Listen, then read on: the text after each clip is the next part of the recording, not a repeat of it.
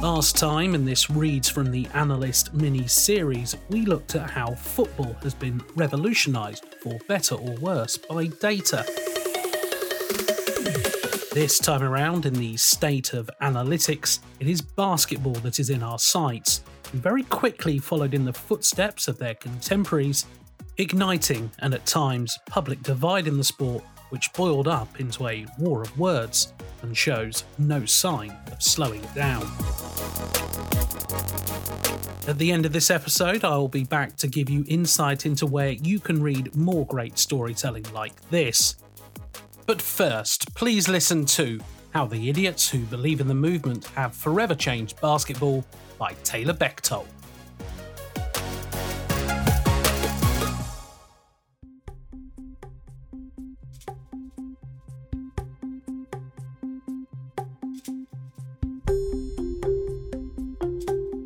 The aftermath of baseball's analytics movement and the attention that followed, data's influence seemed to spread to the basketball world overnight. That's partly because there were those who were anxious to find out if the way general manager Billy Beane and the cash strapped Oakland A's succeeded by embracing an analytics heavy scouting and player evaluation model could translate to other sports. The A's game changing strategy was the subject of Michael Lewis's 2003 award winning book Moneyball The Art of Winning an Unfair Game, and featured in the 2011 film adaptation that was nominated for six Academy Awards, including Brad Pitt for playing the role of Beane. The lesson was simple there's deeper value in the metrics. Soon, basketball teams realized this mindset could indeed translate to the court, and success could likewise be mined from the data. Because technology wasn't yet capable of sparking an analytics revolution early on, there was no way to predict how far we'd go once ingenious basketball minds had computer algorithms, tracking and wearable technology, and artificial intelligence at their disposal. That's not to say there haven't been innovative thinkers in the past. According to the National Association of Basketball Coaches, Howard Hobson, who had led Oregon to the first NCAA championship in 1939, became one of the first coaches to analyze the game statistically. He even published a book on shooting percentages and other phases of the game called Scientific Basketball in 1949. Though his revolutionary ideas failed to catch on immediately, Hobson's research helped lead to the eventual widening of the free throw lane and the implementation of the shot clock and three point line. In the mid 50s, Air Force head coach Bob Spear and assistant Dean Smith, yes, that Dean Smith, created a possession evaluation system that assessed a team's performance both offensively and defensively. Smith believed box score numbers and total points scored and allowed didn't tell the whole story of the game, partly because it failed to take into account the pace or total number of possessions. Paul Keller, another pioneer who coached and taught math at a high school in Ohio, also felt that, quote, points in a game actually mean nothing, but points per possession mean everything. Keller came up with his own version of an offensive efficiency rating system in 1960 and used this metric to track Ohio State during its national title season in 1960 and runner up finishes in 61 and 62.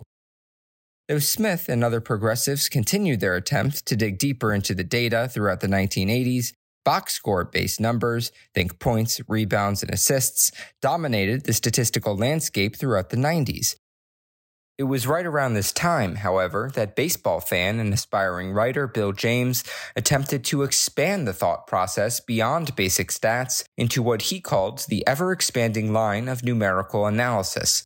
Because of his work, he would become known as the godfather of sabermetrics, the Society for American Baseball Research. The tempo based metrics created by Ken Pomeroy in the early 2000s were compared by many to James's work in baseball, Pomeroy, the founder of the popular college basketball website kenpom.com, would eventually make a major impact on betting lines as a result of his accuracy in predicting game outcomes. His ratings are now used not only by teams in an attempt to gain a competitive advantage, but also by the NCAA Tournament Committee to help determine at large qualifiers and seeding. Obviously, not all fans are necessarily willing to bury their head in the numbers, but it really helps their understanding of other teams, the game itself, Pomeroy said. And anytime you can add understanding to your enjoyment of something, I think it makes everything better. In wake of Moneyball's immense popularity, Dean Oliver similarly sought to break the mold in 2004 with his groundbreaking basketball on paper, during a time when modern metrics had yet to become mainstream in NBA front offices and within the fandom. Oliver's work, which highlighted his four factors in breaking down efficiency, shooting efficiency, rebounding percentage, turnovers per possession, and free throw attempts, became a must have handbook for basketball analysis and led to the growth in analytical blogs and websites like Basketball Reference, 538, and NBA Stuffer. Inspired by James's baseball win shares and based on Oliver's points produced in offensive possession analysis, Basketball Reference soon created its own version of win shares. Advanced box score metrics like effective field goal percentage, usage rate, true shooting percentage, adjusted plus minus, value over replacement player, basketball's equivalent of baseball's wins above replacement, and John Hollinger's player efficiency rating also came to the forefront during this statistical revolution. As Moneyball's influence began to spread, NBA teams considered exploring what advanced data could reveal about their team's processes and strategies. With an eye on getting the most out of their spending, teams became more open minded when it came to taking a closer look not only at how players performed, but how their actions were impacting others on the court. Someone like Oliver, considered by some to be the Bill James of basketball, could certainly help teams look at things differently. He was hired as a consultant for the Seattle Supersonics in 2004 before moving on to analytical positions with the Denver Nuggets, ESPN, and the Sacramento Kings, and serving as an assistant coach for analytics with the Washington Wizards. The advanced metrics not only led to big, bold ideas when it came to in game decision making and strategy, but they also emerged as a key reference when it came to trades, contract negotiations, training practices, and managing the health of players, Sophisticated models like Kevin Pelton's WARP projections and 538's Carmelo ratings became tools for prospect evaluation, draft analysis, and draft pick position valuation. The analytics movement reached another level in 2008 with SportVU, an in venue optical tracking tool that was originally developed for soccer. The ingenuity of utilizing this technology for basketball proved to be a game changer, as it essentially added a third dimension to the stats that existed at the time and painted data driven, detailed pictures of the action in a way that had never been done before. The basketball world was now able to go well beyond box scores and event based metrics to objectively analyze player performance, it no longer had to settle for field goal percentage or three point shooting percentage, as analysts could now measure which players were proficient at hitting contested jump shots, pull up jumpers, shots in catch and shoot situations, and jumpers while coming off a ball screen. The Dallas Mavericks, Houston Rockets, Oklahoma City Thunder, and San Antonio Spurs had SportVU cameras installed just two years later, giving them access to positioning data for all players and the ball at a rate of 25 frames per second. As the benefits of the groundbreaking system emerged, the NBA quickly took notice and became the first American sports league to use player tracking in every game in 2013. It's the culmination of a decade of the basketball analytics revolution, where different people, different methods, and different data have advanced the status of basketball as a thinking man's game, Oliver wrote in a 2013 ESPN article. Data is still just a step toward information, and information is just a step toward knowledge. Player tracking data is a step toward information about drawing the defense, spacing, and on ball defense. Those are steps toward player value, which is the knowledge owners pay for. With SportVU cameras installed in every arena, teams needed a way to interpret the avalanche of complex data coming in. As a result, computer engineers and data scientists with machine learning skills were in high demand almost overnight. Their analysis revealed new ways to measure players both offensively and defensively in situations such as isolation plays, post ups, drives to the basket, and when giving, using, or going up against a ball screen. Additionally, it could identify which players were better than average passers and which excelled at moving offensively without the ball. The data also revealed, for example, whether a player was less effective when moving one way as opposed to another, or how often a player performed a certain move when driving left or right. Shane Battier, who the analytics showed to be one of the league's most undervalued players over his 13 year career, spoke on this for the knowledge forum Big Think in reference to how he approached defending the late great Kobe Bryant. after studying and going through the School of Analytics, I knew exactly to a T who Kobe Bryant was. And I knew as a defender trying to stop him, Kobe's worst case scenario and my best case scenario was to make him shoot a pull up jumper going to his left hand. All right?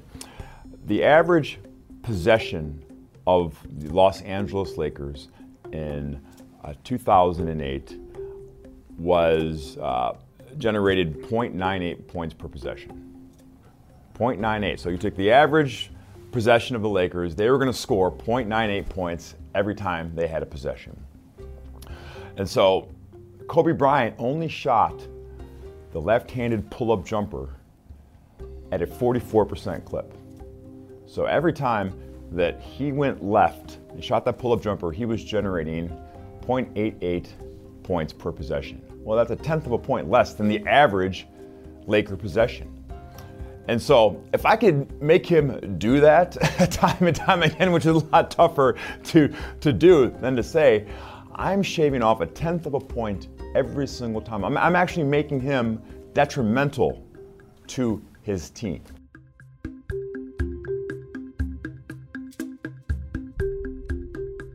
With every moment on the court tracked and quantified, SportVU data would have a profound and lasting impact on how the game is played.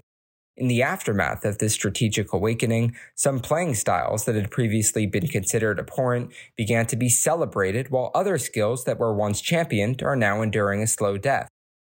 One of the biggest game changers derived from the data stemming from teams asking themselves, why should we shoot a deep two point shot that is a lower percentage of going in than a layup or dunk, but without the reward of getting an extra point? In simplest terms, a 50% shooter from two point range only needs to make 33% from three to produce the same amount of points. The three is greater than two mindset was born, making layups, dunks, free throws, and threes king, and the long two a pariah. During Oliver's tenure with the Kings, the franchise's D League team tinkered with a then wild data based experiment in which the Reno Bighorns focused on shooting only threes and layups ran a constant full court press, double teamed whoever had the ball, crashed the boards, utilized five man units over one or two minute shifts, and attempted field goals within the first 12 seconds of the shot clock. After a rough start in the 2014 2015 season that led to some adjustments, the Bighorns finished first in the Western Conference the following season when six players averaged at least 14.5 points. You may call it really modified, but that's what we're trying to do, Raptors NBA champion coach Nick Nurse told Sports Illustrated.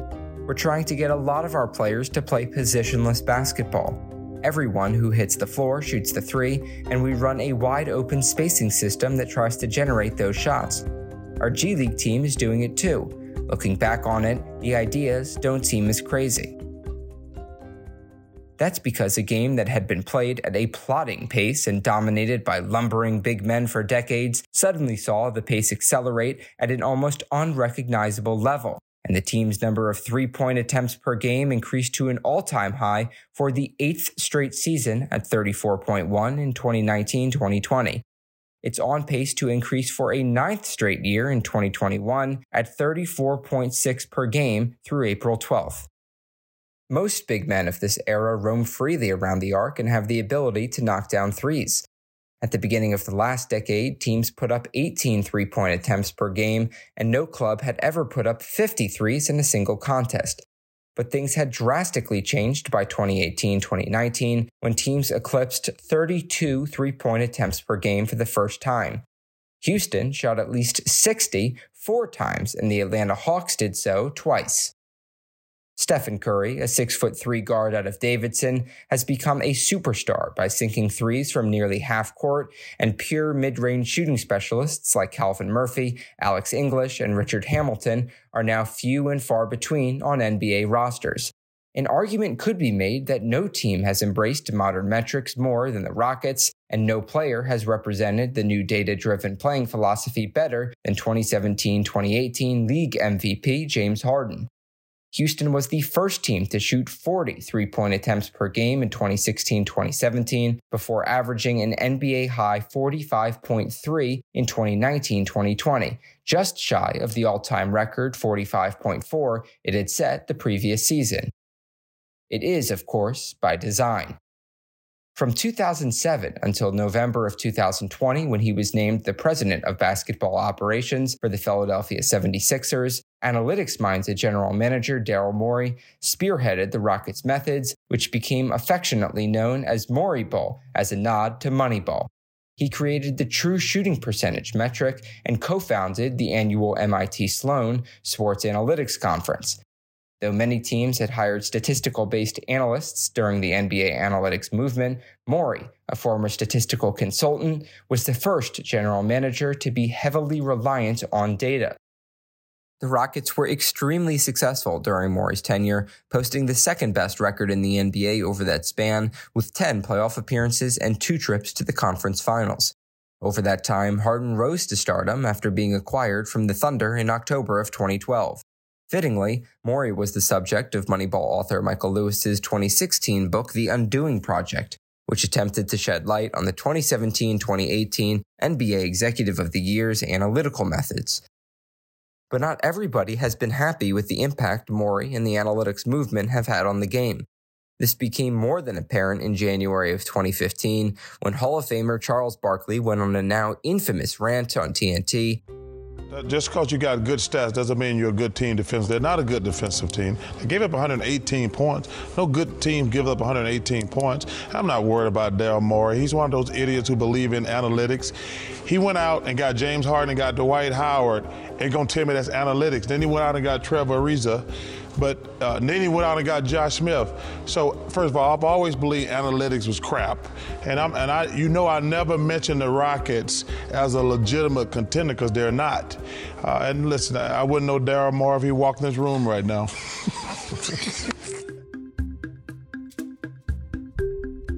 Commissioner Adam Silver, TV networks, and fans also became a little rankled about what transpired when a global acceptance of the SportVU system led to a wider use of wearable technology.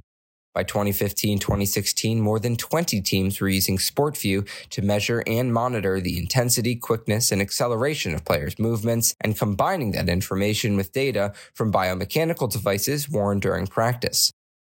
Golden State players even filled out questionnaires that asked about soreness levels, fatigue, sleep quality, and more as the team sought to maximize recovery and prevent injury. The Warriors training staff developed parameters for situations in which it would need to take action, a combination of fatigue and proof of diminished load capacity from the SportVU system and monitoring device. So players who became accustomed to listening to their bodies were now being told that the data knows better. A lot of non contact injuries are fatigue related, Keke Lyles, Warriors Director of Athletic Performance from 2013 to 2015, told CBS Sports. If we see big drops consistently over the last few games, and we know in practice they've dropped and they're telling us they're tired and sore and beat up, then we start painting a big picture. Yeah, these guys are probably fatigued. When they're fatigued, they're at a higher risk. This development in the ongoing evolution of the game, however, created an unwanted side effect as teams began to listen to the data and sit players who were approaching the appointed threshold. The controversial load management strategy became mainstream in 2015 2016 when the number of benchings attributed to rest doubled league wide. This wasn't an entirely new concept, as Spurs coach Gregg Popovich was believed to have first started resting players as early as 2006 and San Antonio was fined $250,000 after unexpectedly sitting four key players for a nationally televised game in 2012. It's a trade off, Popovich told 538.com. You want to see this guy in this one game, or do you want to see him for three more years in his career? And do you want to see him in the playoffs because he didn't get hurt, because maybe he got rest?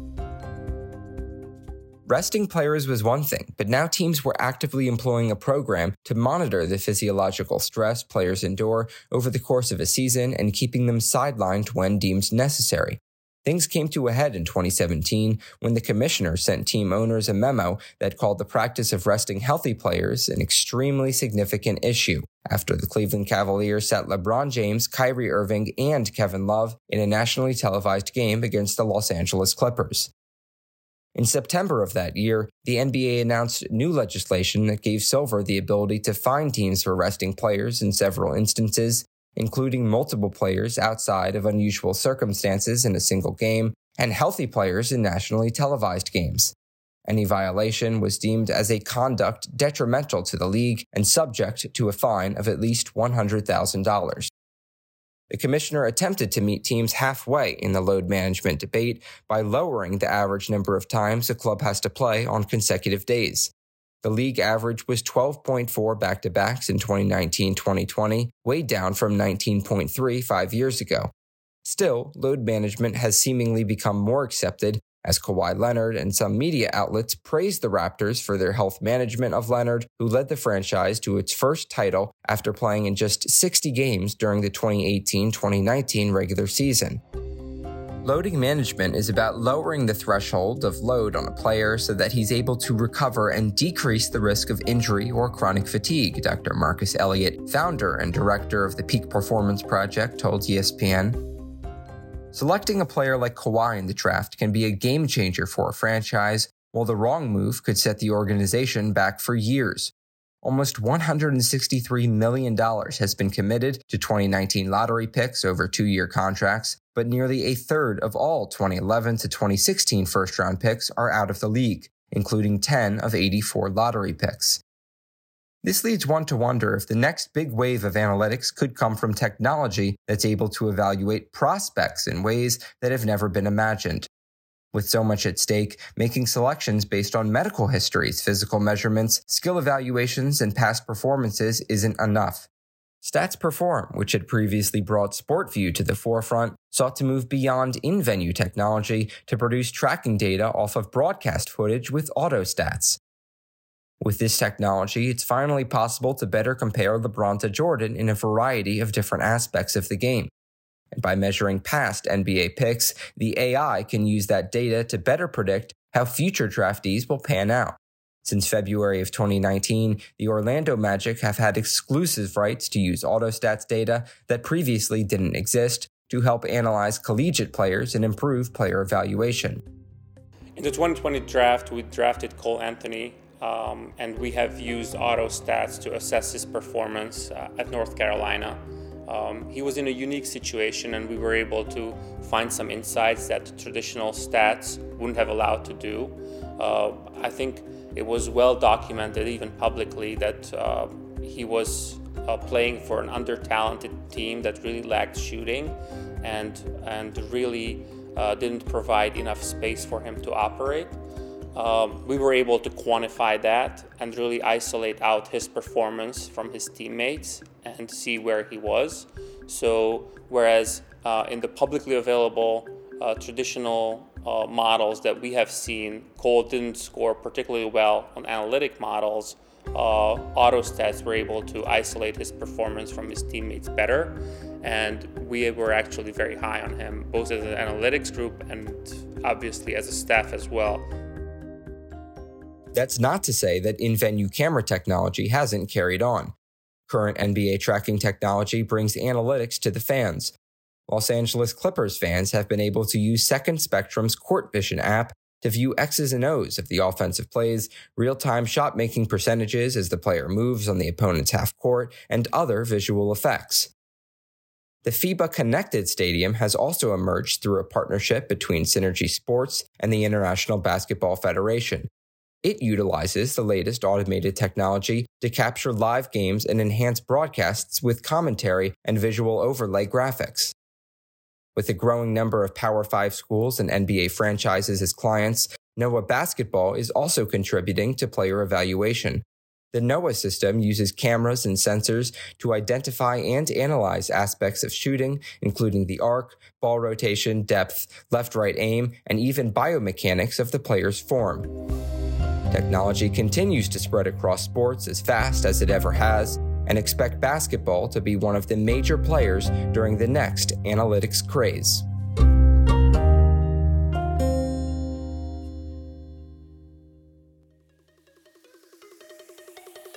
That was How the Idiots Who Believe in the Movement Have Forever Changed Basketball, written and researched by Taylor Bechtold, read by Justin Sweetwood, with music from Audio Network archive from Big Think, TNT, and Stats Perform, and produced by me, Graham Bell. This has been a production as part of a mini series, The State of Analytics, for The Analyst, home of data driven storytelling, which features great in depth articles from across the USA, as well as specialised data visualizations and more podcasts like this. Have you checked out the Box Score show yet? Kevin Kraust and Chris DeSalvo take a trip down memory lane each week, discussing one remarkable box score with all sorts of information about its relevance then and now, with the latest episode focusing on the Cleveland Indians' remarkable comeback from a 12 run deficit against the rampaging Seattle Mariners in 2001. You can listen to that episode now, as well as check out all the rest of our great content on theanalyst.com. You can continue to get lost in the reads from The Analyst and never miss another episode by subscribing on your preferred podcast application like Spotify, Apple Podcasts, Amazon Music, Google Podcasts, and many others. And whilst you're there, we would love for you to rate and review our show too, leaving us those all important five star ratings. We'll be back with the last in our mini series very soon as we turn our eye to baseball but for now, it's so long from everyone at the Reads from the Analyst.